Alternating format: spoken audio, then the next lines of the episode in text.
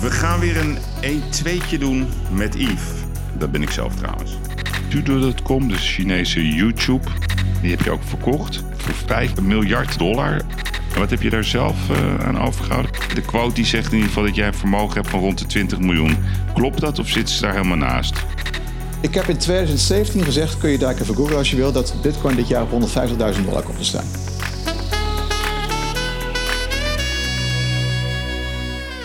Beste luisteraars, lieve kapiteinen, het is maandag, het is tijd voor een nieuwe uitblinker.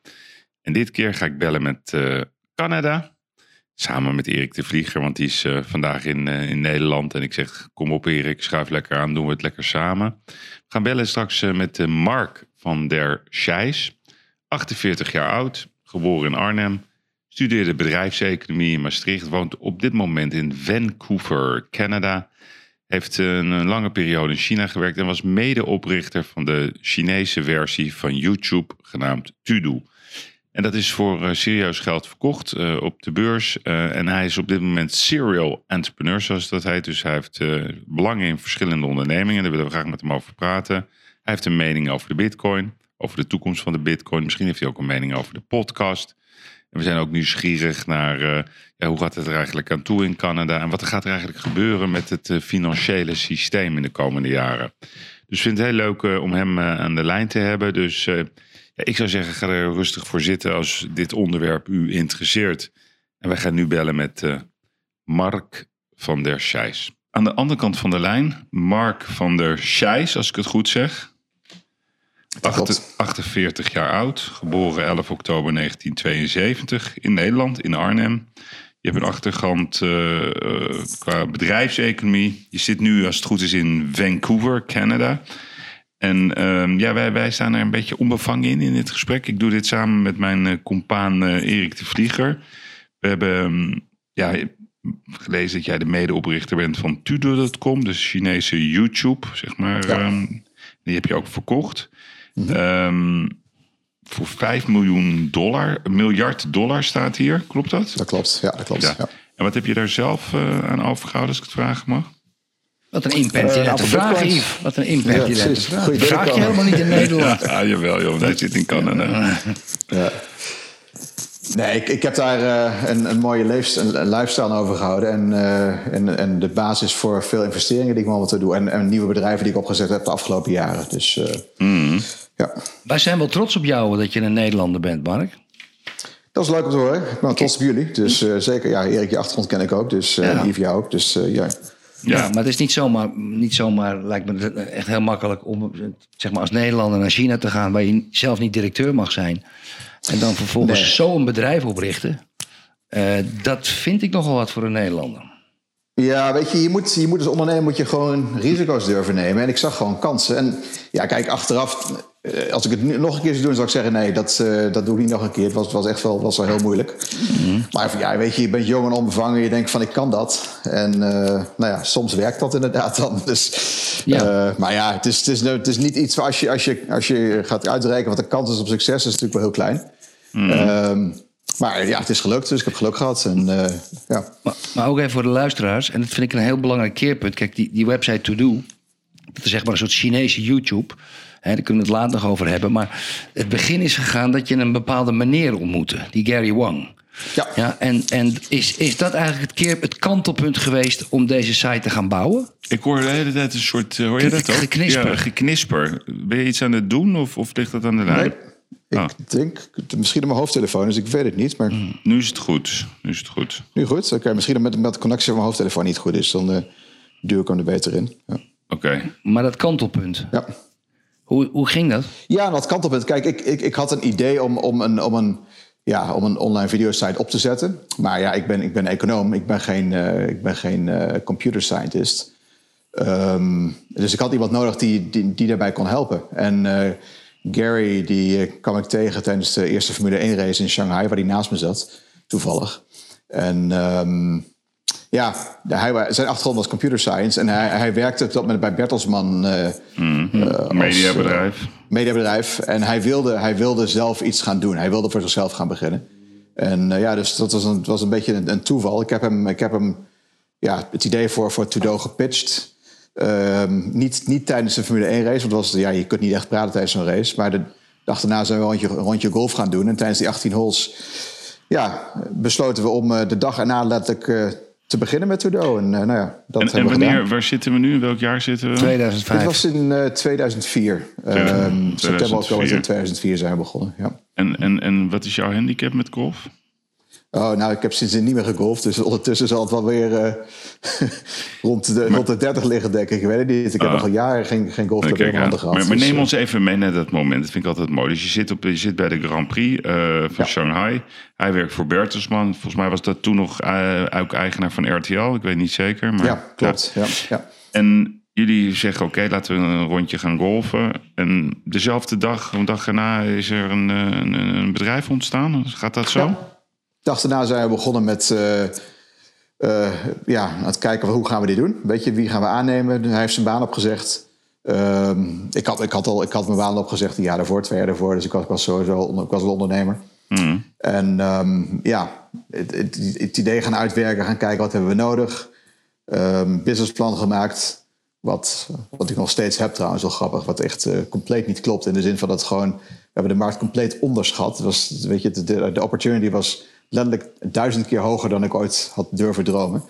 Ehm, maar goed, het is... ehm, ja, je, weet je, je, je, je begint onbevangen. Het was een van mijn eerste bedrijven die ik opgezet had. Eh, en ja, we hadden geen idee hoe moeilijk het zou worden, hoeveel geld we nodig zouden hebben om het op te zetten. Weet je, we dachten van, nou, weet je, er, er, er waren- er waren geen inkomstenbronnen, er, er, was, er waren geen online advertenties op dat moment. Eh, er waren geen abonnementen die je op kon zetten. In, in China wil iedereen alles gratis hebben. Weet je, dat soort dingen, daar dachten we helemaal niet aan. We dachten van, nou, dit is gewoon een mooie opportunity. Eh, en dat gaan we doen. En, maar ja, en, dan- en dan, ja, uiteindelijk is het nog gelukt ook. Maar jullie deden dat vanuit China. Het bedrijf was in Shanghai. Ja. En Ja, hadden jullie ook. Chinese aandeelhouders? Dat moet toch meestal daar? Ja, nou, de, de- hoe het werkt is, je zet een, een offshore bedrijf op, ehm, waarvan ik de aandeelhouder was. En eh, er is een bepaalde constructie mogelijk, waardoor je als buitenlander toch, zeg maar, indirect eigenaar bent van, de, van, de Chinese, Chine, van het Chinese bedrijf. Ehm, dat moet ook wel, anders kun je niet naar de beurs gaan. Hè? We hebben het, eh, we hebben het naar de Nasdaq gebracht in, in 2000, eh, 2011. Hmm. Ehm, en dan moet je natuurlijk als, buiten, ja, dan moet je als buitenlander wel aandeelhouder kunnen worden. Dus, eh, is, dat een, is, dat een equity, jo- is dat een equity joint venture? Nee, nee, nee, het werkt anders. Ja. Ehm, dus dus ja, weet je, het gaat een beetje te ver het nu uit te leggen. Maar dit is, dit- er is, er is een, een standaard constructie voor die door elk Chinees bedrijf gebruikt wordt. eh, die naar de beurs gaan buiten, buiten China. Mhm. En even voor mijn informatie. hè, dus toen jullie naar de Nasdaq gingen in 2011 was dat. Hoe, hoe hoog was de waardering toen van het bedrijf? Ehm, rond een miljard dollar, denk ik. Wat iets van, ja, iets rond een, rond een miljard volgens mij was het toen we naar de beurs gingen. En, Ja. ja.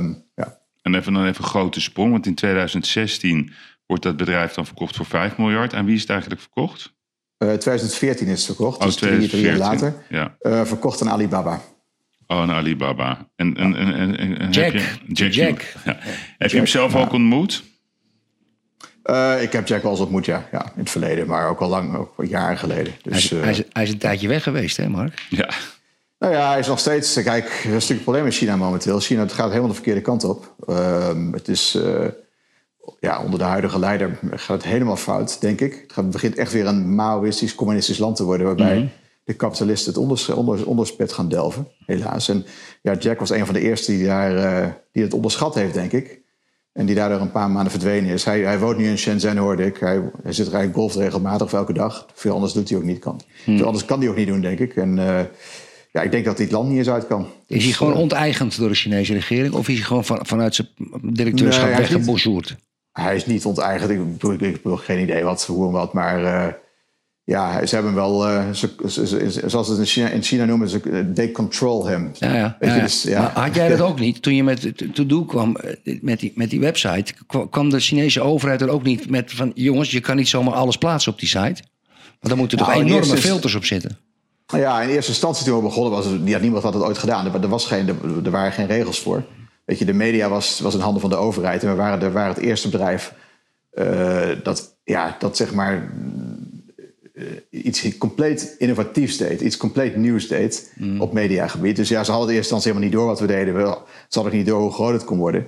Maar ja, dan, dan word je groter. En dan, dan, dan kom je natuurlijk in een probleem. En toen, we zijn een paar keer zijn we bijna gesloten door de overheid. Oh ja? Dus, eh, Hoe, hoe, hoe, kwamen ze binnen? Of kreeg je een e-mail? Of hoe kwamen ze bij je thuis? Ehm, nou nee, ze komen niet bij je thuis. Het is, het is- je bent gewoon een online bedrijf en je, je krijgt een waarschuwing. Maar hoe gaat dat? En, leg, eh, leg eens even uit hoe zo'n waarschuwing werkt. Eh, er zijn verschillende manieren op. Dat gaat, dat, dat gaat, of het gaat via het hoofd government relations van je bedrijf, die, eh, die, die, ja, die goed geconnect is met, met de partij. Eh, dat kan gaan via een, een, een brief die binnenkomt. Eh, of, of gewoon een telefoontje. Eh, het, is niet, het is niet dat ze binnenkomen met politie of zo hoor. Het is gewoon eh, het is, het is wel vrij, vrij relaxed. Ja, Ja, maar goed, je, je, hebt, je hebt je wel eraan te houden. Het is wel duidelijk van, eh, weet je, als je, iets, als je het niet doet, dan is er een risico voor je. Dus, Dus, eh, dus ook geen politieke filmpjes en dat soort dingen. Dan moet je echt een filter op inbouwen. Nou, we hebben, we hebben toen besloten om, om totaal geen risico te lopen. We wilden een entertainment website bouwen. Een beetje een soort van nou, Disney, weet ik wat, Netflix-achtig gebeuren. Dus we hebben gezegd, geen porno en geen politiek. En met geen politiek bedoelen we niet alleen geen, geen Amerikaanse politiek, buitenlandse politiek, maar ook geen Chinese politiek. Dus eh, weet je, je, je vindt niks over de partij op onze website. Eh, althans niet in die tijd. Het is tegenwoordig anders, maar toen, toen ik er zat was dat, was, dat, was dat zo. Gewoon compleet, wat ook maar politiek gerelateerd was, komt er niet op. Simpel, waar het ook over gaat, maakt niet uit. Als het positief, negatief, doen we niet. en, en, en geen porno, want de porno in China is... eh, ja, ook een beetje het, is het einde van je, einde van je, van je bedrijf als je dat zou doen. Dus Ja. dat, dat deden we ook niet. Ja. Hey Mark, wel, heb je, woonde jij ook in, in die periode van 2006 in Shanghai? Ja, ja. Ja, want ik, kan je dat herinneren? Ik weet niet of je dat ook bezocht hebt. Ik heb toen de Millionaire Fair een aantal jaren daar gedaan. Klopt. Ja, ben ik wel eens geweest ook. Ja, Oh, je bent ook ja, en ik zou je vertellen, de eerste keer toen ik in Shanghai kwam. Mhm. ehm, ja, ik was nog nooit daar geweest. En toen kwam ik terug op de, op de airport. Toen werd ik zo meegenomen toen, door zo'n zo'n beambte. En die zei, ja, kunt u Mhm. even meekomen? En ze hadden me helemaal gevolgd. Hè? Van, ja, wat deed u daar? En waarom was u in dat restaurant? En wie was die man? En et cetera. Ik vond, ik, nee, ik gaf gewoon antwoord. En dat was heel rustig ook, zoals jij het eh, Ja. nu ook omschrijft. Maar toen had ik wel zoiets van, nou, ik word vanaf dag één gemonitord. En ik had een joint venture met eh, VNU. Ja, En opeens kwam daar dan David Song. Die was eh, weer de joint venture partner in Shanghai. Maar die bepaalde alles. Die had maar een minderheidsbelang in dat VNU. Maar die, die had overal de regie op. En toen had ik al na drie jaar door dat ik dacht van... ja, ik ga, ik ga hier niet mee door. Ik heb hier gewoon geen zin in. Want ik, het, het, het, het voelde echt benauwend zelfs. Ja, Zo ja. ervaarde ik dat. Terwijl het heel succesvol was. Maar als je daar zelf eh, zeg maar een boots on the ground company hebt... Ja, ik vind dat niet fijn. Ik, ik denk wel dat het fijn is om gewoon handel te drijven, spullen te leveren of spullen te kopen. Maar als je daar je eigen bedrijf op zet, heb ik het gevoel in ieder geval dat eh, als je iets te groot wordt, dan, eh, dan ja, eigenlijk zoals jij het schetst. Voel, je, heb- voel jij dat ook zo? Was dat toen ook zo in die periode al? Nou, nee hoor. Maar het ligt aan, het ligt aan de zakenpartner die je hebt. Hmm. En ja, dat is, kijk, Gary Wang was echt mijn beste vriend in die tijd. En nog steeds een hele goede vriend. hoor. Ja, ik zie hem niet zoveel meer. Maar weet je, we, we deden alles samen. En eh, we stonden echt, we hadden dezelfde visie waar we heen wilden. We waren zelf bevlogen, zelf heel, ja, we, we wilden dit groot maken. En eh, beide heel ambitieus. Dat, dat, ja, dat, dat paste perfect. Weet je, het was niet dat daar een, een verschil in machtsverhoudingen lag of zo. En Nee. ja, dat, dat maakt het verschil. En, en, en maak je toen al een dividend of zo? Dat, heb je af en toe geld uit het land kunnen gehaald?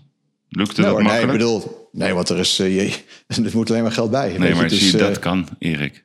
Dan, dan laten ze het. Mm. Dat is wel de nuance hoor. Als je dus eh, hoge profits haalt en je wilt het eruit halen, nou, dat is echt gedoe hoor.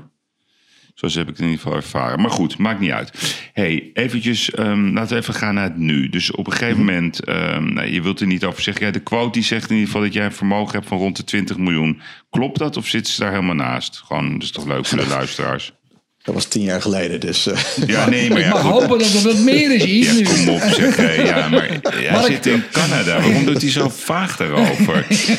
Je, je, bent, eh, je houdt van crypto, je houdt van transparantie. Dit this is America, Hmm. toch? Ja, maar, ja, maar Mark, die hebt toch nog Nederland. Het is, het is een Nederlander. Het is. Het een precies. Nederlander. Ja, het is Precies. een Nederlander. Voel je, la- laat- la- als je, ben je een Canadees of een Nederlander? In je gevoel. nee, ik ben Nederlander. Ik ben nog steeds Nederlander. Oh, dus je- eh, ik heb nog steeds een Ne- Nederlands paspoort. Ja. En eh, ik, ik kwam er ook eigenlijk elke twee maanden wel hoor in Nederland. Maar ja, goed, sinds COVID, sinds anderhalf jaar ja, eh, ja, ik ken niet het. meer geweest. Of, of Ja. heb je helemaal niks op je rekening staan? Dat kan natuurlijk ook, dat je gewoon een, een mooi Nou, ik, ik, ik, ik, ik, pokerspelletje vermijd, ik, speelt. ik, ik, vermijd, ik vermijd banken, laat ik het zo zeggen. Dat Oh, is... eh, nou, oké. ja. Hey, en toen, wat, wat, toen ben je eruit gestapt en en wij, zoals wij het lezen, ben jij een grote crypto-believer. Nou, Erik en ik hebben het vaak over crypto en over Ruzie, coins. Mark, hebben we soms ruzie erover. Ja, Erik, Erik weet niet eens het verschil tussen minen en, en een Binance-beurs. Oh, oh, oh, dat gaat nu wel goed, hè? Maar neem eens ons even mee in de wereld van crypto. Ik, wij willen graag jouw visie erop. Ja, nou, ik, ik ben in 2013 naar, naar Vancouver verhuisd. En Mhm. eh, in eerste instantie mijn plan was om hier met pensioen te gaan. Ja, Dat heeft, al- heeft, ongeveer zes weken geduurd. ja. Ehm, toen had ik het helemaal gehad. Mhm. Ik was toen 39 en dat is gewoon niet de juiste tijd om met pensioen te gaan. En ik ben ook niet iemand die met pensioen wil gaan, maar dat had ik nog- toen nog niet door. En ja, toen wat er gebeurde was dat eh, in, in april 2013, eh, ik had een bedrijf op Malta nog, eh, of niet op Malta, op, op Cyprus. En Oh. dat bedrijf, daar werd, daar werd de bankrekening van geblokkeerd, omdat de, de, de, de Cyprus banking crisis die, die vond plaats. Eh, en alle, alle bankrekeningen werden gewoon in het hele land werden geblokkeerd. En toen ben ik eens gaan nadenken van, hé, hoe, hoe, hoe kan dit eigenlijk? Ik had een bankrekening daar bij Barclays, dat is een Engelse bank. Ehm weet je, ik denk, ja, hoe kan het nou dat, dat, dat een bankrekening geblokkeerd wordt? Ik betaal die bank elke maand een hoop geld om die bankrekening open te houden. Dus ik, ik, ik had natuurlijk alle tijd van de wereld. En eh, ik ben ben eens gaan inlezen in hoe, hoe werkt het financiële systeem precies. En ehm, ja, toen kwam ik erachter dat... ehm, ehm, ja, dat het toch wat anders in elkaar zit dan ik geleerd had tijdens mijn economiestudie.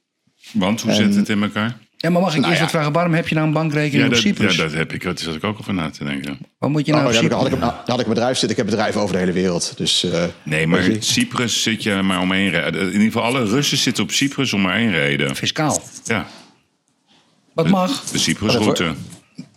Dat, uiteraard is er ook een Cyprusroute. Eh wacht even, één seconde. Mijn, nee, mijn tuinmannen die komen hier met allemaal apparatuur binnenzetten. Even de deur dicht doen. Sorry. Ah, Oké. Dus, eh, Maar goed, fiscale redenen zat je daar. nee hoor, gewoon, eh, dus, ja, je, je moet een bedrijf opzetten ergens. En dat, dat is een goede locatie om een bedrijf op te zetten. Ik heb ze over de hele wereld zitten. Dus onder andere daar ook. Maar goed, toen, kwam, toen gingen ze jouw bankrekeningen blokkeren in Cyprus. Ja. En toen, waar, waar kwam je dan achter? Nou ja, je ziet gewoon dat het systeem gewoon niet klopt. Dat, dat, dat, ehm, dat, dat het, het systeem, ehm, met name van hoe, hoe de overheid met, met, met schulden omgaat. Dat dat, eh, wat- sorry jongens, ik loop even hier weg. Dus, Oh. er, komen, er komen vier tuinmannen hier in de Ja, tuin ik met allemaal blaasapparatuur. En eh, van mijn ramen dicht doen hier. Het is hartstikke warm hier. Je, en, en het knispert nog steeds. Ja, Nog steeds, ja. Oké. Once upon a time in Cyprus. Ja, go. Ja, precies. Ehm, sorry, waar waren we? Ik wil ook even, de, even de, de draad verhaal kwijt. we waren Eh, in Cyprus. Ja, precies. Oh, ja, precies. Dit- Ja, wel, kijk, wat het, wat het probleem is en wat, wat alleen maar erger wordt, is dat overheden eh, te veel geld bij, bijdrukken. En dat gaat, dat gaat op termijn gaat het verkeerd. En ik zag het voor het eerst in 2013. Dat ik denk van ja jongens, dat kan gewoon niet. Dit, dit, dit, dit loopt compleet uit de hand. Ehm, nou ja, en, dat, dat, en toen dacht ik ja, hoe, hoe, hoe, weet je, hoe, hoe kan het nou dat, dat mensen dit niet zien? En wat zijn de andere oplossingen daarvoor? En toen kwam ik uit bij ja, crypto, wat toen nog heel klein was. Want waar Eh, praten we? Zitten we nu? 2013? 13 jaar. 2013, begin Ja, maar 2013. Hoeveel Ja. stond de bitcoin toen? Eh, 80 dollar denk ik zoiets. Onder de, onder de 100 ergens. Dus, ja, eh, ja. En de ja. e- eters. En toen? Toen ben jij daarin? nee, toen... dat was, er was nog geen ether in die tijd. Oh, die was er nog niet eh, eens. Nee, nee. Maar Dus, goed, eh, jij gelooft daarin op een of andere manier? Nou ja, ik, ik zag van, weet je, ik, ik, ik zag dat het fiat geldstelsel, eh, ja, dat is, had, geen, had geen lang leven. Dat gaat, dat, is, dat gaat een keer verkeerd. En wanneer het is, of dat, weet je, of dat drie jaar, tien jaar is, vijftien jaar, het gaat een keer verkeerd. En je moet iets hebben waar je, waar je je geld in kan stoppen dat, ehm, ja, dat, dat een, har- een hardere currency is dan, dan, dan de euro of de dollar of nou ja, whatever. Ehm, en dat, dat was er gewoon niet. En eh, uiteindelijk, nou, nou, ik ik zag het niet direct, dat heeft, dat heeft best wel een tijd geduurd. Toen zag ik van ja, weet je, dat, de, oplossing ligt, ligt in, een, in, een, in, een, in, een, eh, in, een, in een goed, bij voorkeur een digitaal goed, een digitaal product, dat schaars is. En ehm, nou ja, bij, toen kwam ik uit op, op Bitcoin. En eh, ja, in eerste instantie vrij sceptisch, want het was een vrij libertarisch gebeuren in die tijd, veel meer dan nu. Ehm, veel mensen in de sector ja, waren toch wat, wat wereldvreemd, vond ik zelf. Eh, echt, echt super nerds. Ik was de eerste, ja, de eerste investeerder, zeg maar. Een van, de eerste investeerders die ja, vanuit de traditionele investeringswereld kwam. Ik, ik was toen, ik, ben, ik, zat, ik, ik investeerde toen al veel bedrijven. Ehm, en ja, dan kom je zo'n conferentie en dan ben je de enige die dan een jasje aan heeft, bijvoorbeeld, weet je. En eh, het was wel even een, een, een beetje een culture shock. Maar uiteindelijk, ja, ik, ik, ik, ik begreep precies waar ze het over hadden en waar ze naartoe wilden. En eh, ja, ik denk van ja, dit, volgens mij is dit iets uh, dat uiteindelijk de wereldwijde currencies kunnen gaan, uh, kunnen gaan vervangen. Maar hoeveel bitcoins heb jij gekocht in het begin? Uh, nou, niet heel veel. Gewoon, weet je, je begint klein, want je denkt van ja, wat is, weet je, je stopt er een paar duizend dollar in. Maar, maar ik, ik, ik, ik, gaf ze ook weer uit, weet je. Ik, ik gebruik het ook als een currency. Maar waar woonde je dus, toen, in toen 2013? Toen word ik naar Vancouver. Ja, maar kijk, weet je, en, kijk, weet je, een van de dingen, kijk, er is natuurlijk een ongelofelijke beweging, ook een politieke beweging, begint nu op te komen tegen die bitcoin, tegen al die coins. Omdat de overheid in een ziekte der controle uh, menen dat ze geen controle kunnen krijgen in bitcoins. En als ik dan hoor dat jij een, een Malta-connectie en een Cyprus-connectie... en dan ook nog in bitcoins kan doen... dan is voor een overheid natuurlijk niks meer te controleren. en ik snap wel dat mensen zich daar zorgen over maken. Maar dat even terzijde. Bitcoin, Bitcoin, is, Bitcoin is veel beter te controleren dan, dan, dan dollars. Als je cash dollars hebt, heeft niemand weet wat je ermee doet. Dat, dat wordt vaak vergeten. En dat, mhm. weet je, ze doen alsof het, alsof het niet te controleren is. Maar Bitcoin valt compleet te traceren. Je, als je ooit een Bitcoin-transactie gedaan hebt, ook als het in 2013, kun je het nu nog terugzien, terugzien op, de, op de blockchain. Mhm. Dus Het, is, het is compleet transparant. Het is veel beter voor de overheid dan, uh, dan, dan, dan, dan fiat currencies. Mhm. Oké, oké. Ja. Maar, goed, nee, maar goed, wij, wij, wij snappen wel een heel klein beetje hoe het werkt. Maar alleen, ik schrik een beetje van als jij mij vertelt dat je in 2013 eh, een, een, grote Bitcoin-believer bent. Mhm. En dat je dan een paar duizend dollar daarin stopt. Dan denk ik, uh, een paar miljoen of zo. Hoe moet ik dat plaatsen? Want er zijn natuurlijk heel veel mensen die een beetje van die dingetjes kochten. 10 bitcoins, 20. Ja, ja, natuurlijk. Dus je begint er gewoon mee, je gaat kijken hoe het werkt. Je investeert mhm. in bitcoin bedrijven, bitcoin exchanges. Je, je mhm. gaat naar conferenties toe. En nou ja, weet je, het was, het was, het was, het was, het was een spielerij voor jou. Ja. Het is, ja, je gaat, je gaat je, je, die tijd ga je er geen miljoenen dollars in stoppen. Want ja, de kans dat, dat het naar nul zou gaan was extreem groot op dat moment. Nee, Nu niet meer, maar, toen wel. Weet toen je, dus, Ja, en wat is het? als je terugkijkt, denk je van ja, ik had er heel veel geld in moeten stoppen. Ja. Maar goed, weet je, ik heb, ik heb, ik voldoende bitcoins. En, ja, maar zo ken ik er nog wel een paar natuurlijk. Nee, maar dat begrijp ik. Maar wat, hoe heb je dat dan vertaald? Wanneer is zeg maar het begin gekomen dat jij uh, dat je dat vertaald hebt naar een bedrijf. Hè? Want jij, jij zegt, of ik lees in ieder geval, dat je alleen nog maar focust op bedrijven die gerelateerd zijn aan crypto en blockchain. Dat daar je grote belangstelling werkt. En je hebt zelf een, een, investeringsfonds gelanceerd in Canada. Mhm. First Block Capital. Wat, wat is dat voor een bedrijf? Um, is een privébedrijf, niet beursgenoteerd, maar dat ik gebruik als investeringsvehikel in, in alle, ja, alle andere ja, cryptobedrijven waar ik in wil investeren. Dus uh, dat, zijn, dat zijn cryptomunten, maar dat zijn, dat zijn exchanges. Dat zijn bedrijven die nieuwe ideeën hebben op dit gebied. Um, en ik, ik help die ook deels met, met fundraising. Ik help die ook deels met uh, het vinden van het juiste managementteam, met advies. Um, het is gewoon een, ja, het is gewoon een investeringsvehikel dat ik daarvoor gebruik. Een fonds. En, en dan heb je een fonds. Een fonds. En hoe, hoe, groot, hoe, groot is dat fonds nu ongeveer? Oh, geen idee. De tientallen miljoenen, denk ik tientallen. Of, ja, gewoon, ja, tientallen gewoon even om een ideetje te hebben. Ja, nee, het is niet heel groot hoor. Het is gewoon een. Het is, het is, ik, weet je, ik, ik, wil geen grote bedrijven hebben. Ja, ze groeien vaak heel groot. Maar ik, ik weet je, ik, ik doe het voor de lol. En uh, ja, maar helaas groeien dingen soms te snel. En ja, dat is. Uh, dit, maar dit wil ik gewoon klein houden. En investeren mensen dan in het fonds? Of investeren, uh, investeren mensen dan samen met het fonds in bepaalde dingen? Nee, het is, er, zijn, er zijn aandeelhouders die in eerste instantie geld erin gestopt hebben. Ja. Uh, en dat geld groeit en dat investeren we, het herinvesteren we in nieuwe dingen. Het idee was in eerste instantie ook naar de beurs te brengen. Maar ik heb nu zoiets van, uh, wil ik helemaal niet veel te veel gezuur. Dus ja, uh, ja gewoon, we dus gewoon leuke dingen doen. En nou, uiteindelijk kunnen we het een keer liquideren en dan krijgt iedereen zijn geld terug. Ja. En wat, zegt de wet, en wat zegt de wet in Canada over bitcoin? Is dat anders gestructureerd dan bijvoorbeeld in Europa? Um, het is, ze zijn vrij positief over bitcoin. Mm. Um, weet je, het was een van de eerste landen waar uh, waar cryptobedrijven naar de beurs konden gaan bijvoorbeeld. Uh, ze zijn vrij positief over crypto mining. Komt ook deels dat ik zelf vrij veel tijd besteed heb met de Securities Commissions hier... om ze, om ze gewoon uit te leggen hoe bitcoin werkt, hoe crypto werkt. Weet je, uh, weet je ook dingen van de transparantie die ze niet, die ze niet door hadden hier in eerste instantie. Ze zeiden van ja, het is, weet je, het is voor criminelen. En dan leg je uit van nou nee, eigenlijk klopt het helemaal niet. Nee. weet je, en dat zijn die dingen die, ja, ik denk dat ik daar wel een rol in gespeeld heb. Alright. En, dus, en, en hoe, hoe kijk je naar die, naar die aanwas van al die, eh, al die coins die nu komen? Waarvan die, sommige voor een paar centen genoteerd worden ergens. En dan eh, ongelooflijk in waarde stijgen en dalen. En het is heel emotioneel. Er komen er verhalen over. En iedereen duikt daar maar in. Ik, ik, ik, ik, ik vind heel veel zit bij, op los zand in elkaar. En alles is gedreven op emotie. Op, dus het is gewoon een casino. Ja. Weet je, dat, dat, ik blijf daar compleet van weg. Dus ik noem het shitcoins. Ja. Eh, en de mensen die erin investeren, ja, ik lach er een beetje om, maar het is, ze verliezen uiteindelijk allemaal aan geld. Dus Hmm. eh, op, op lange termijn zijn er maar heel weinig coins die, die het goed gaan doen. Ik denk dat Bitcoin, ja, de- die is al jaren de, de koning van de coins. En die zal het ook altijd blijven, denk ik. Hmm. Er zijn een paar andere zoals Ethereum die het mogelijk goed kunnen blijven doen, maar er zitten ook grote nadelen aan. Ehm, er zijn wat zogenaamde governance tokens, dus misschien wat lastig uitleggen. Maar er zijn, er zijn een aantal die het redelijk Nee, kunnen doen. nee, Maar, maar dat is niet. Nee, maar ik vind het juist leuk om niet Ja. in algemene termen te praten. Want dan, dan is Mhm. het zo'n algemene discussie. Dus de Bitcoin, ehm, die, die heeft zeg maar. Ja, dat is zeg maar de Rolls Royce onder de coins. Dat is de eerste. Die heeft volgens mij nu, een, terwijl we elkaar aan de lijn hebben, zitten ze op een market cap van ongeveer 525 miljard. Mhm. Ehm, ze hebben er nu 18 miljoen 742.000 uitgegeven naar maximaal 21 miljoen caps. Ja. Of eh, bitcoins.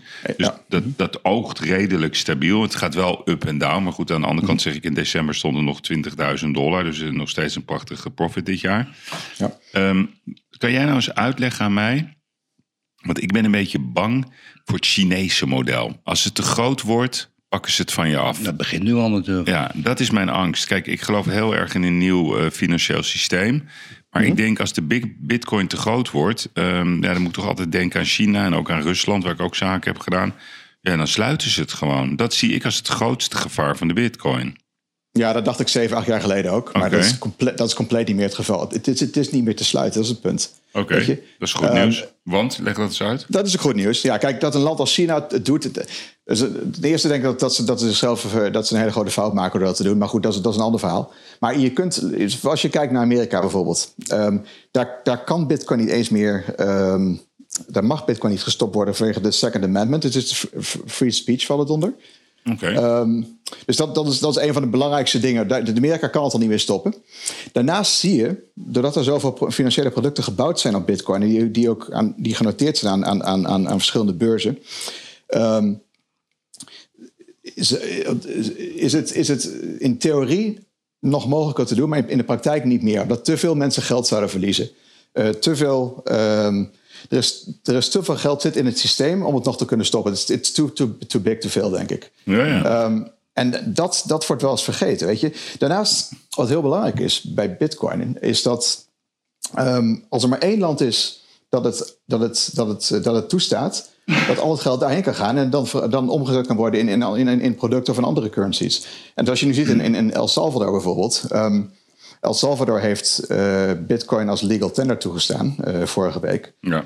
Dus daar, daar is het gewoon een, een, een, een- ja, daar wordt het gewoon een normale currency. Weet Oké. je, nou, dat die, en dat, en dat, dat, ja, daarmee is het hek van de dam. En dit is, er zijn, ik, heb, ook- ik heb hierna, na dit gesprek, over een half uur gesprek met, ehm, met Mauritius, ehm, waar het nu avond is, die, eh, die ook aan het kijken zijn naar, ja, wat kunnen wij met Bitcoin doen? Kunnen wij het op de, op de, de Maar je Doe noemt nou, je noemt nou maar- niet echt grote staat Ja, of zo. El Salvador, Mauritius. Maar nee, maar daar begint het mee natuurlijk. Hè? Ja, maar Mark. Mark, Mark eh, ik, ik ben dus een leek. En heel veel mensen en luisteraars zijn ook een leek. Terwijl we wel op de details in moeten gaan. Maar kijk, ehm, je, je noemde net al die dwarsverbanden die er al bestaan... met fondsen, die bitcoins, et cetera. Dus het, is, het heeft al zo'n positie verworven... dat al indien ze dat gaan sluiten, hoe ze dat dan ook gaan doen... en wie zijn ze, dat weten we ook nog niet...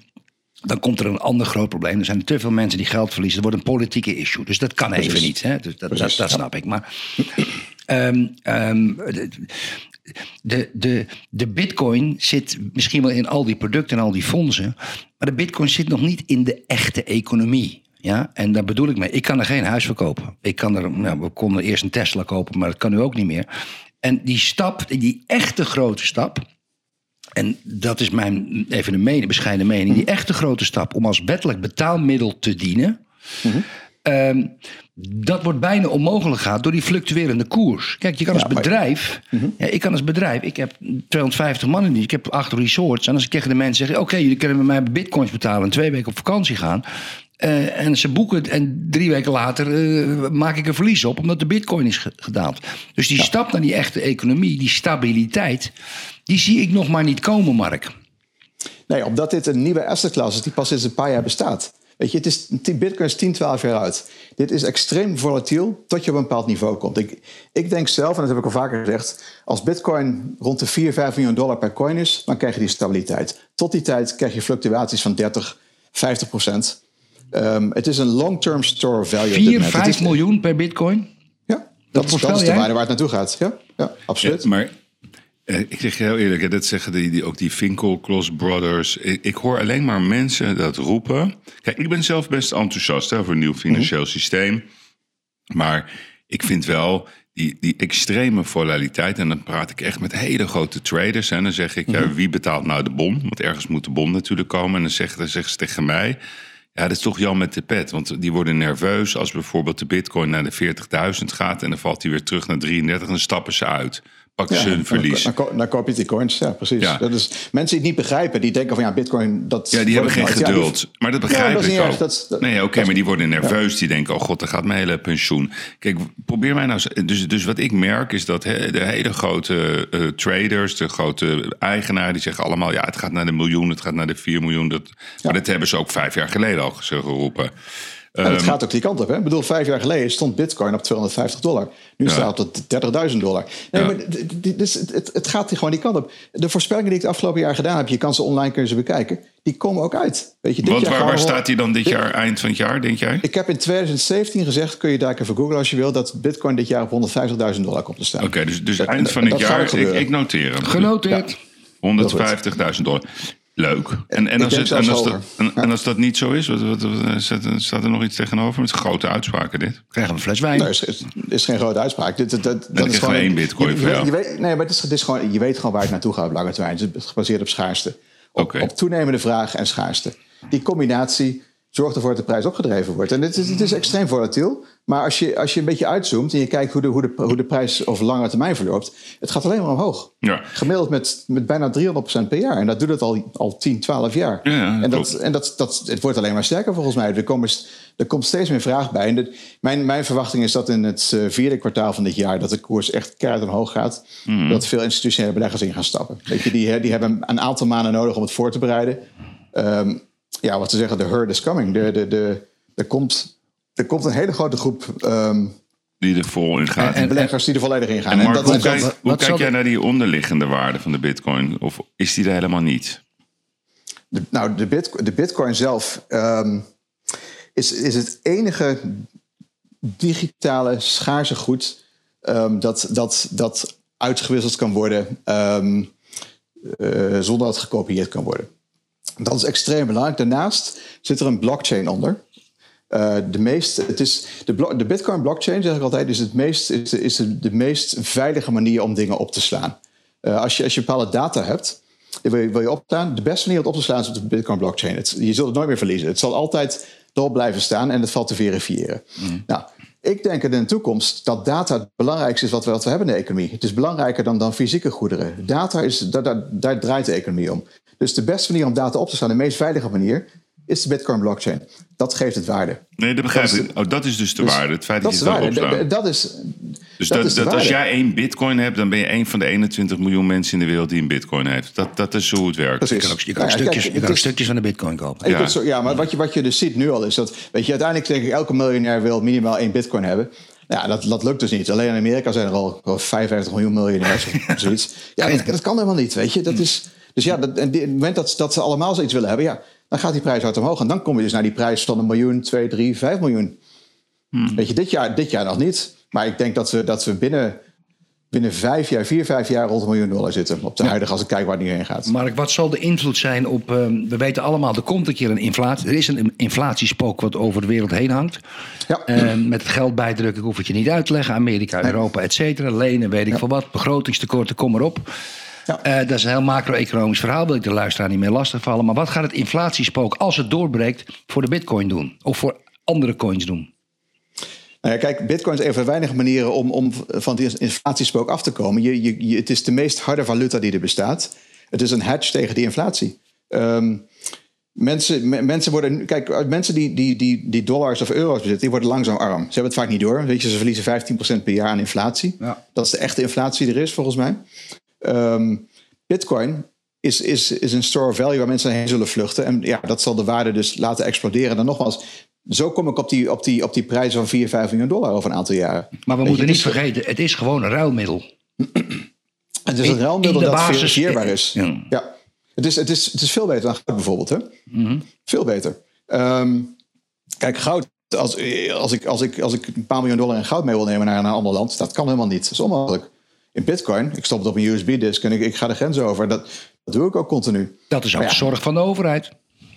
Nee, want je kunt, je kunt de transacties gewoon zien die ik, die ik gebruik. Ik, je, dat is, je kunt, je kunt, alle transacties die ik doe op, op de blockchain zijn, zijn, zijn, zijn te checken, te traceren.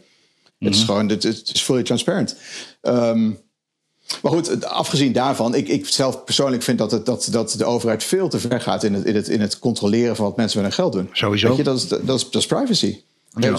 De, de, weet je, de investeringen die ik doe, zijn vaak, de meeste investeringen die ik doe, zijn best wel groot. Weet je, een miljoen dollar of meer in bedrijven.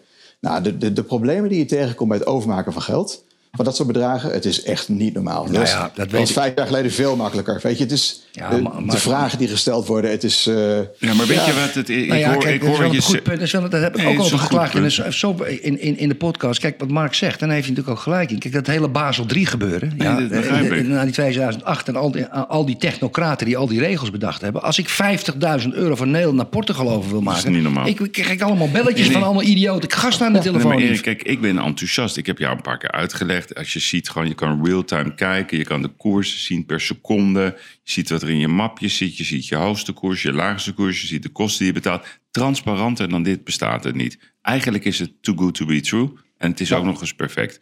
Alleen waar ik zoveel angst voor heb, als jij tegen mij zegt, hè, kijk, die bitcoin staat nu, nou, ik weet niet precies, eh 30.000 dollar plus, ja? ja. Kijk, dus jij zegt, nee, die gaat eh, dit jaar naar 150.000. Dus factor 5. Hè? Dus dan is die 525 miljard market cap.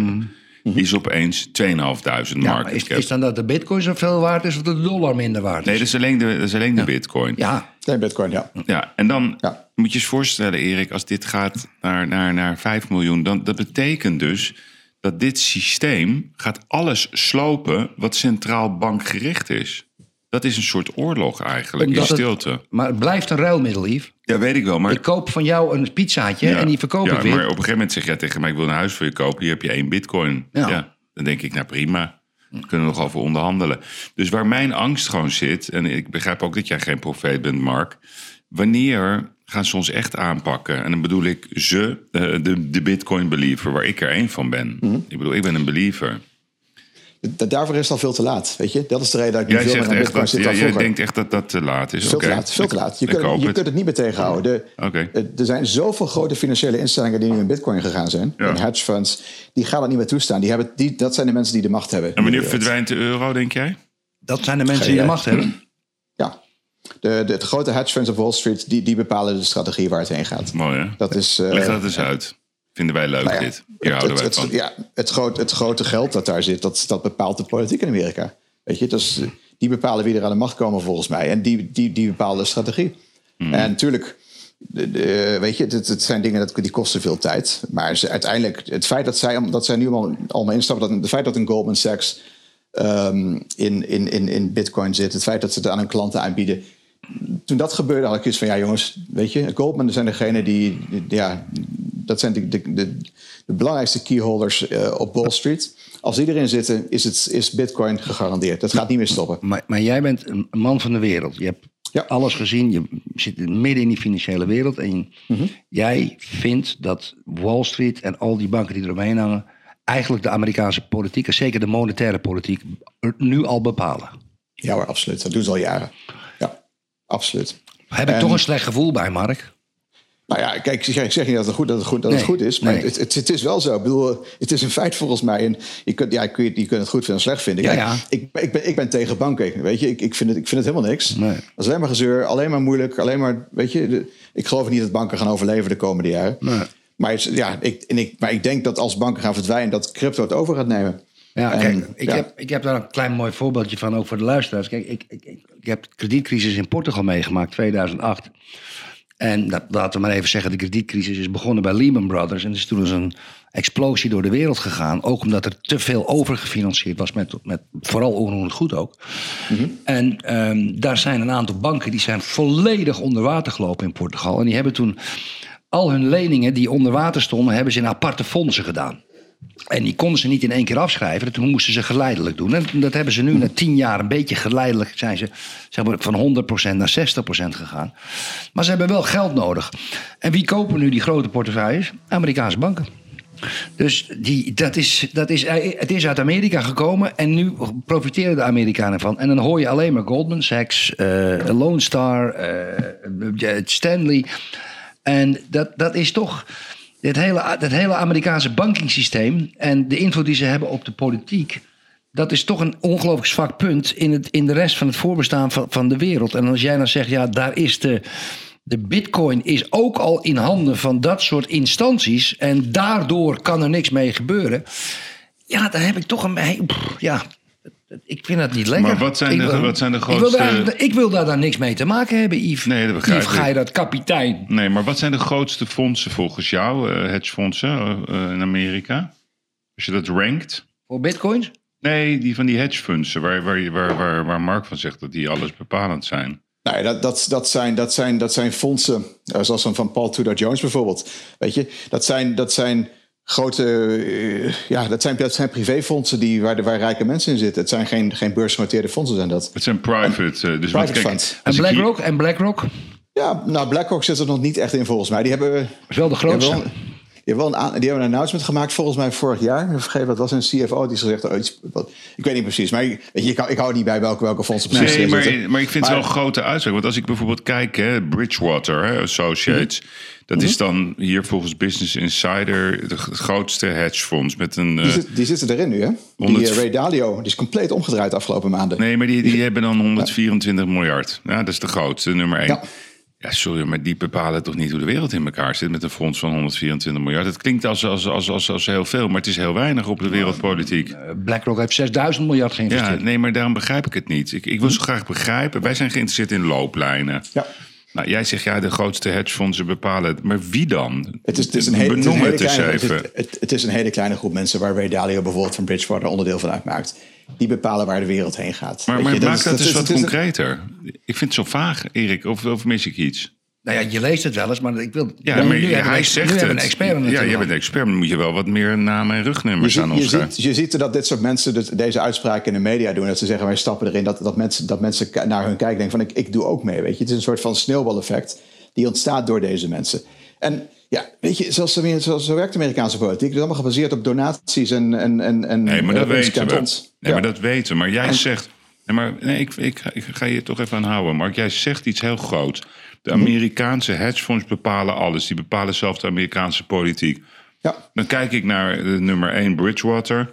Met 125 miljard kan je natuurlijk helemaal niks bepalen. Dat lijkt allemaal heel spannend. Maar wie bedoel jij dan? Kijk, wij hebben, wij, wij hebben in de podcast wel eens gehad over World Economic Forum. Dat vinden wij een -hmm. zorgwekkende beweging. Ja. Maar daar hangt heel veel aan vast. Benoem nou eens even concreet, want jij, jij hebt het even over die mensen. Maar welke nou. mensen?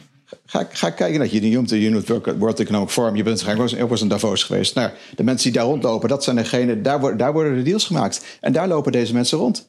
Zo werkt de wereld. Maar welke mensen? Je? Nou, jongens als Ray Dalio. Weet je, jongens als de CEO van Goldman Sachs, jongens als de, de CEO van JP Morgan, die bepalen waar het heen gaat. Dat is gewoon, hmm. dat is gewoon, een, klein, dat is gewoon een klein clubje. Oké, okay, maar jij zegt dat is een klein clubje van ja. 10, 15 mensen. Zal wel meer nee, zijn. Veel, veel meer dan dat, veel meer dan dat. Kijk, net, net als binnen de Bitcoin-wereld heb je ook clubjes van 20, 30 mensen die zeg maar precies weten waar het, of denken te weten waar het naartoe gaat. Hmm. Nou ja, en, en, daar, en deze mensen proberen daar binnen te komen en wij, wij houden ze buiten. Ja, en, ja. Uh, ja.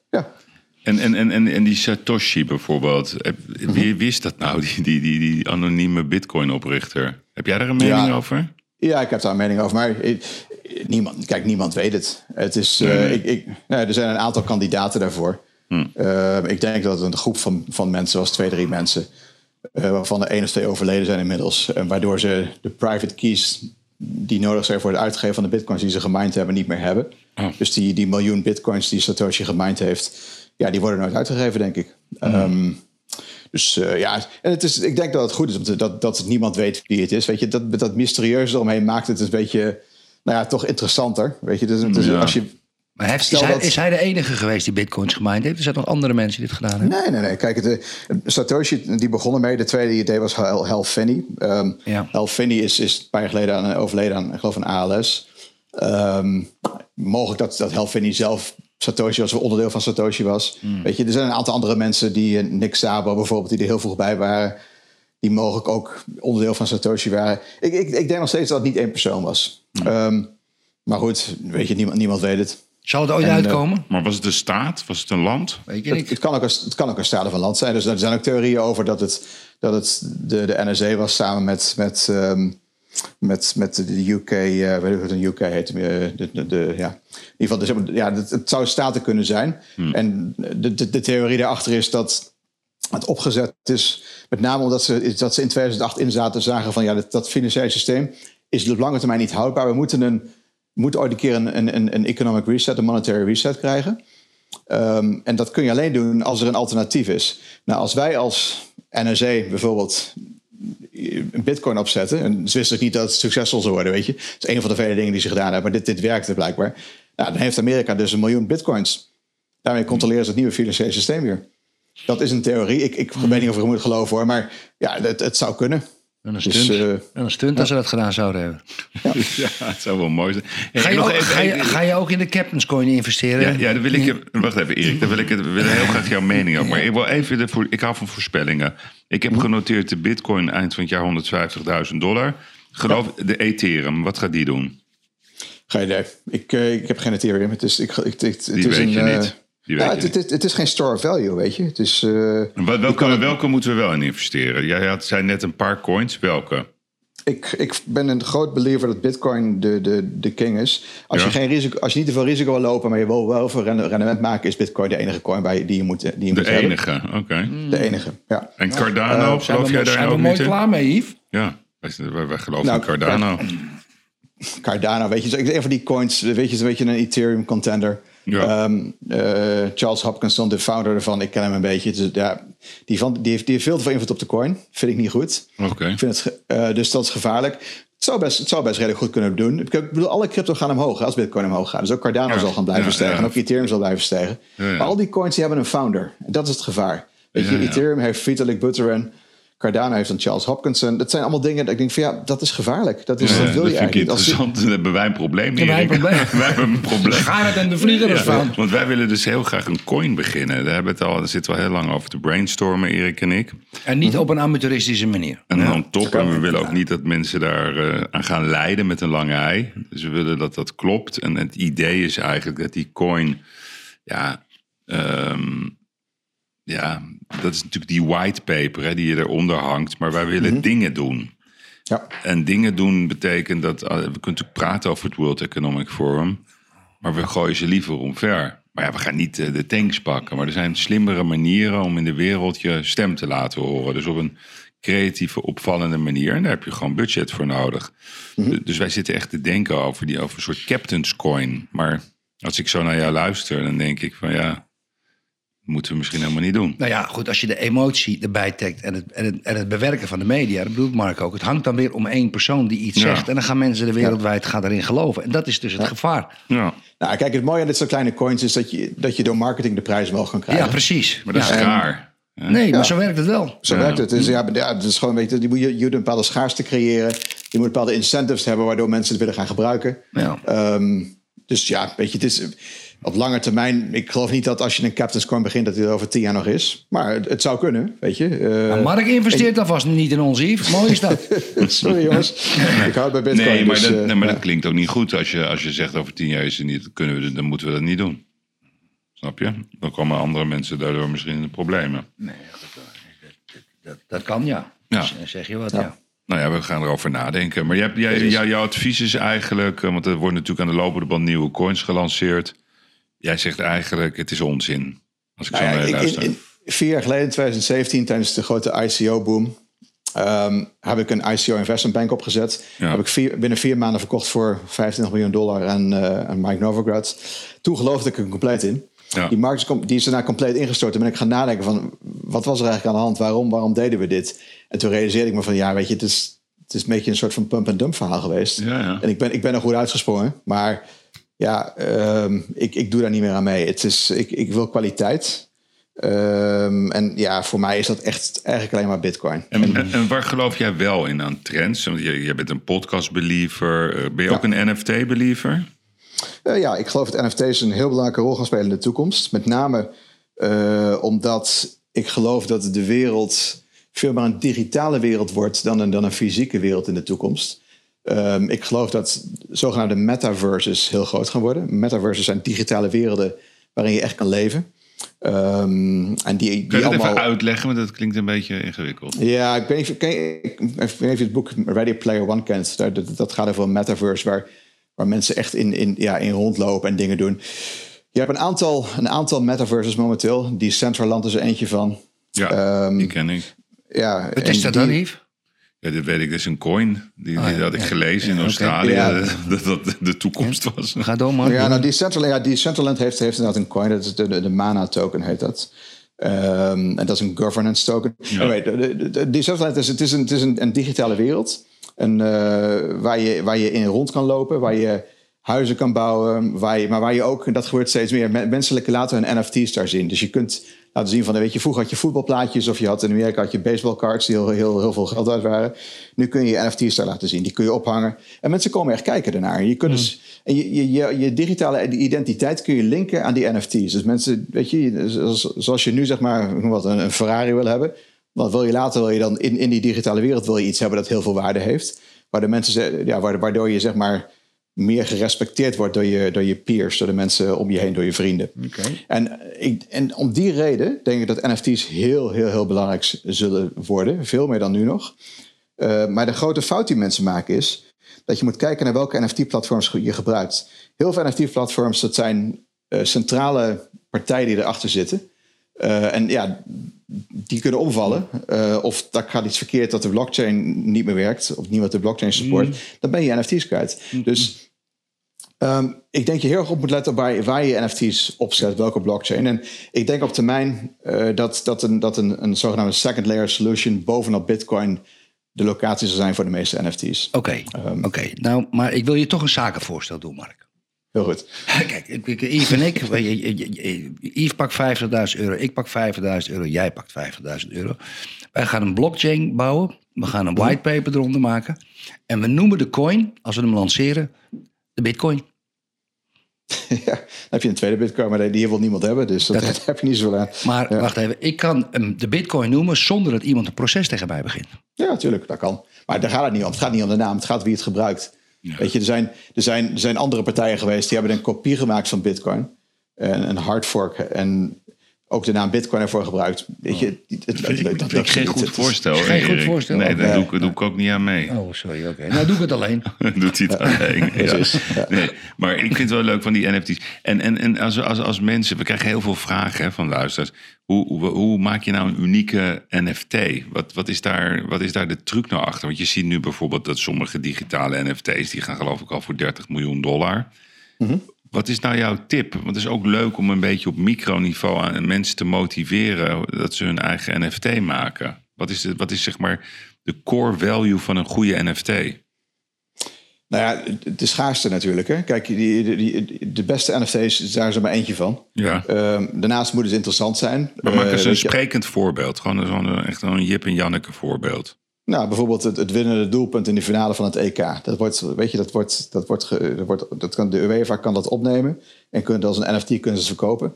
Dat, ik denk omdat dat zij de rechten hebben, omdat zij de, rechten. zij de rechten hebben, ze hebben de rechten. En dan verkopen ze dat doelpunt. Hmm. En dan heb jij de NFT, dus die kun je laten zien van ik ben de eigenaar van dit doelpunt. Weet je, de, de, van de, de digitale eigenaar. En dan kun je er iets achter zetten waar je zegt, elke keer als het doelpunt ergens vertoond wordt op televisie, in, eh, waar ook ter wereld, krijg je daar een euro voor. Of weet ik wat hoe dat Ja, weet je? kan dat, ook? Dat er een verdienmodel aan vasthangt? Ja hoor. Ja, dat, is interessant.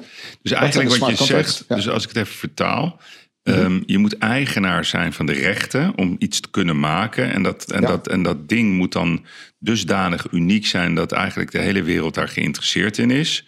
Ja. En, daar, en hoe meer mensen daar naar kijken, dus eigenlijk net zoals YouTube, dan krijg je daar mhm. een soort, soort, soort dubbeltje voor cent of whatever het is. Dus je zou bijvoorbeeld kunnen zeggen dat stel nou voor, jij bent de eigenaar van de schoen, de eerste schoen van Johan Cruijff. Ja. Dat je van die schoen maak je een soort uh, virtuele bewegingsschoen. En iedereen wil dat zien, hoe dat ooit gegaan is. Dat zou een mhm. NFT kunnen zijn. Ja, alles wat je digitaal kan maken, kan een NFT zijn. Ja, ja, precies. Dus ja. Nee, want ik heb bijvoorbeeld nog van die miljonair verder, dat ik over na te denken. heb. Ik heb alle beelden. Het is toch een decade geweest van tien jaar. Daarna hebben we het overgezet in de Masters. Dus ik dacht, nou, misschien kan ik een mooie NFT maken van al die beelden. Zou dat, is dat interessant? Weet je, vanuit China en Rusland. Dat was toch een periode. Dat was een beetje de Wolf of Wall Street period. Zou je daar een unieke NFT van kunnen maken? Is zoiets mogelijk? het, het kan. De, de vraag is alleen, ja, wie, wie wil dit kopen? Hè? ja, Kijk, in Hongkong. Iemand uit Hongkong. Nou ja, bijvoorbeeld, kijk, bij de, bij de meeste NFT's momenteel worden gekocht door, door jongeren. Weet je, men, Ja, ja. weet je, kids van een ja, teenagers of mensen die heel 20, 25 jaar oud zijn. Hebben die interesse daarin?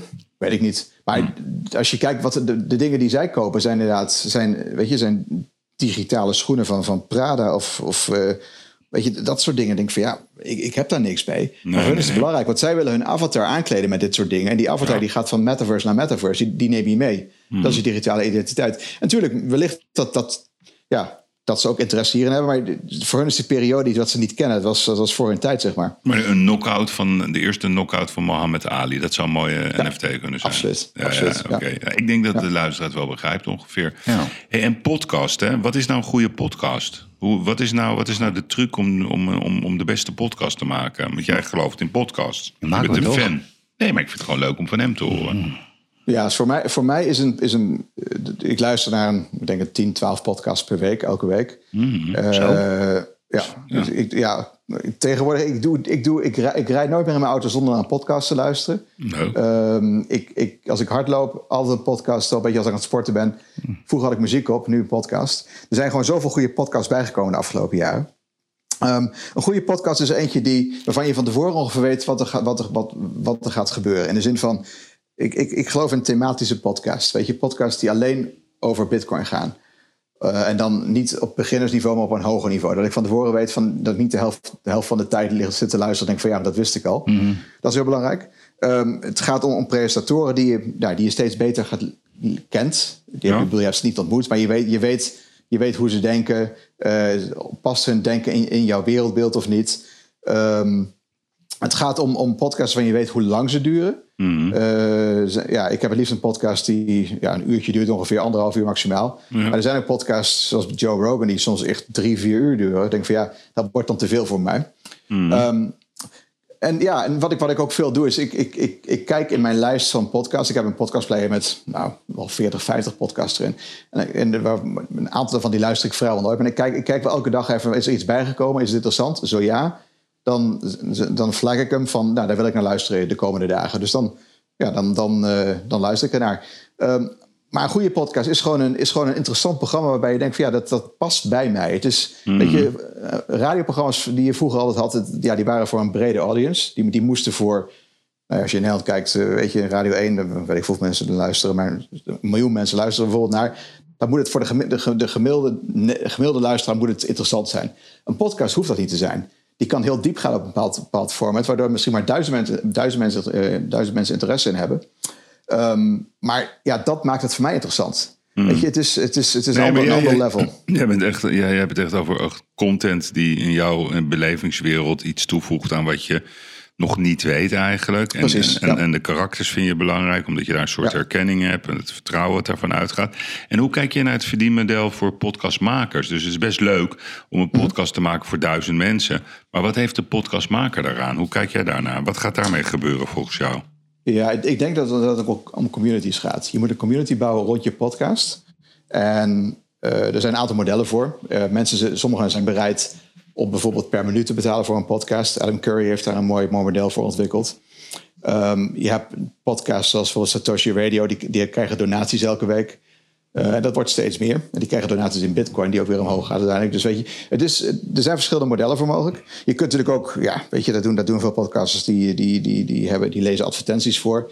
Ben ik zelf geen voorstander van. Maar ja, als het, als het een podcast is waarin je echt gelooft en de, en de advertenties ook in, in, lijn, in de lijn liggen van, van je eigen interesses, ja, vind ik het niet zo erg. Ehm, dus het is een combinatie van die dingen, denk ik. Ja, Oké, nou, we gaan, we gaan, wij, wij zijn in ieder geval heel Maar blij je, met... je luistert toch ook nog wel eens naar onze podcast? Eerlijk gezegd, ik had er nooit naar geluisterd. Maar dat, Schaam je. ja, ja. Ja, ach, je, je bent nooit te oud om wat te leren, Mag ik toch? nog een paar Nee, persoonlijke precies, vragen stellen Ja, ja, stel maar een paar persoonlijke vragen.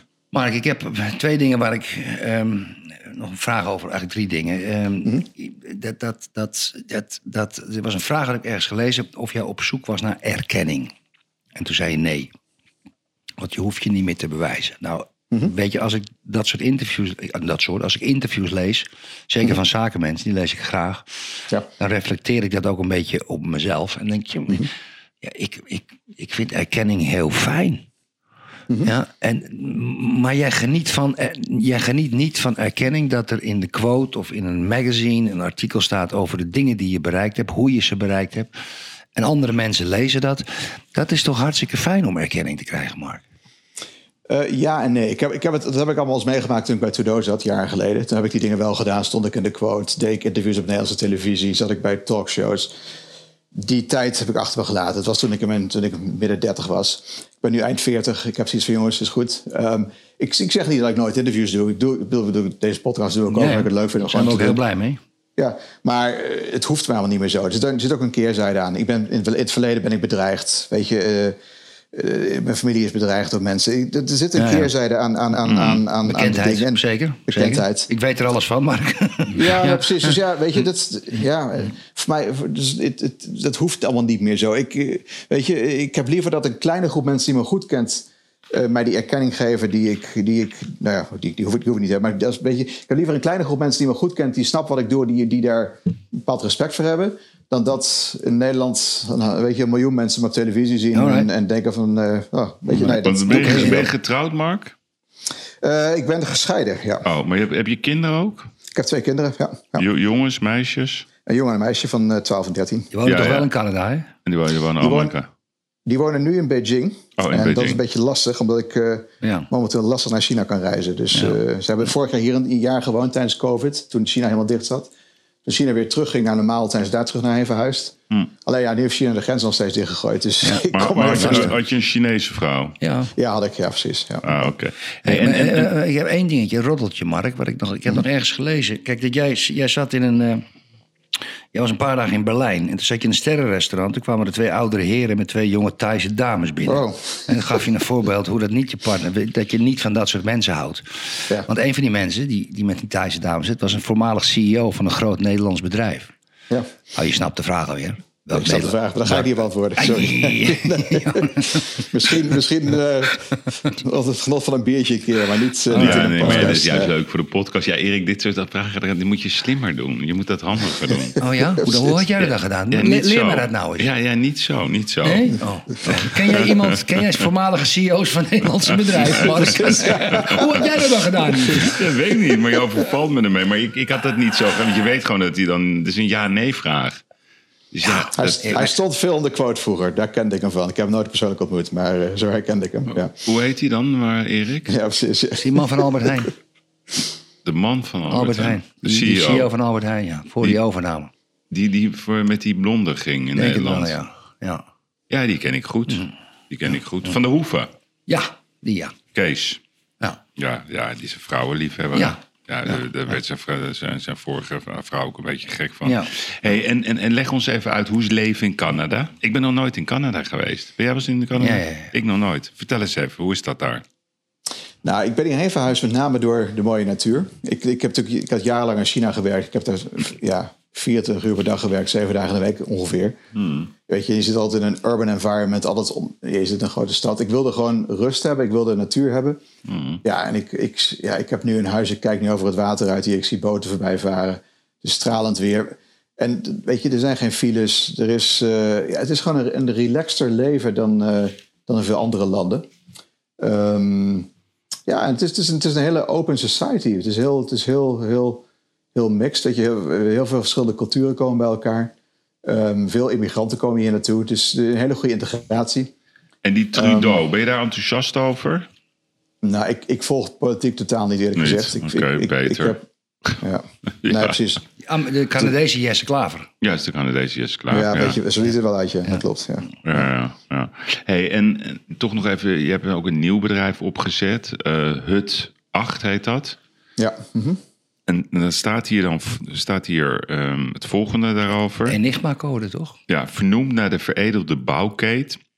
waarin gedurende de Tweede Wereldoorlog een team van Britse wiskundigen onder leiding van Alan Turing de codes van de Duitsers probeerde te breken. Daar is ook die film van. Ja, die had, die, hij was, hij Hoe was, heet die film ook weer? Hij was nicht- Enigma-code volgens mij. Nee, nee, nee. Nee, die heet... ehm, even kijken.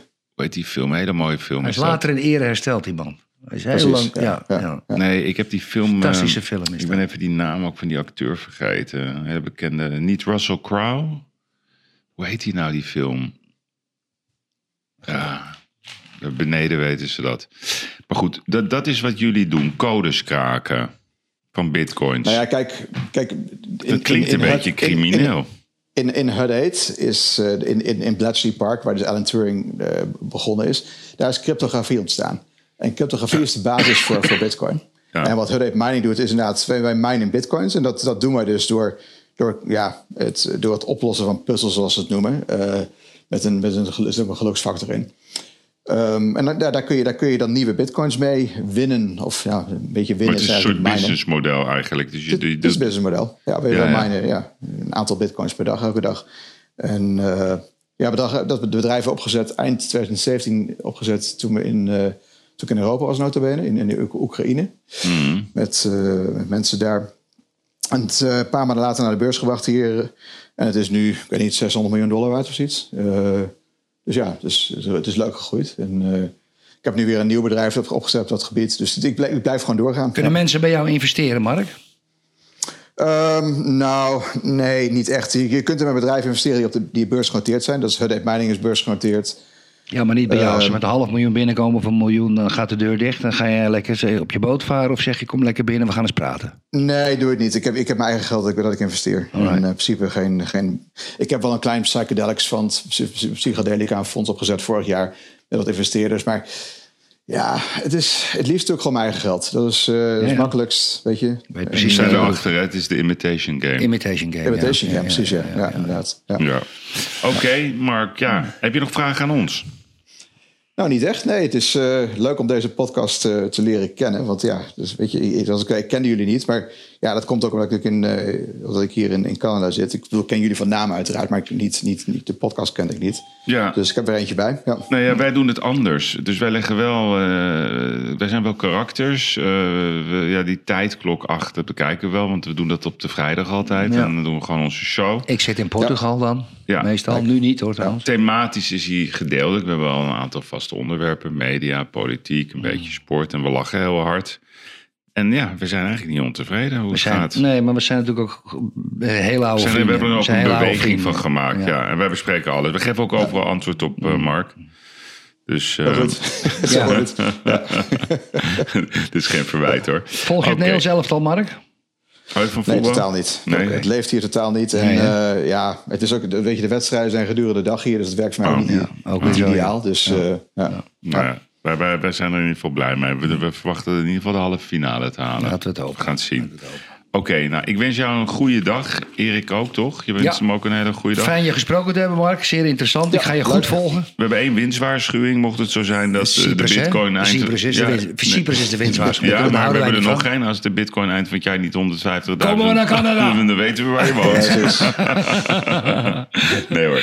Dankjewel. En eh, nou, mooie dag nog in, eh, in Canada. En dank, dank, eh, dank voor, het, voor het meedoen. Dag Mark. Bye bye. Ja, goed, hoi, hoi. Bye. bye, bye. Ja, dank voor het luisteren naar de uitblinker van deze week. Ik kan u ook zeker eh, de uitblinker van vorige week eh, van harte aanbevelen. De oprichter, eh, of oprichter in ieder geval, de directeur van Lowlands. Spectaculair festival in Biddinghuizen. We mogen weer 21 augustus. En Erik zei, het wordt een slutty summer. Ik vond het leuk ook om met hem over het vak te praten. En ehm, vrijdag dan zijn we er weer met een eh, nieuwe uitzending van de Gigs. Samen met Erik de Vlieger. En volgende week weer een nieuwe uitblinker. Dank voor het luisteren en ik wens u een hele mooie week.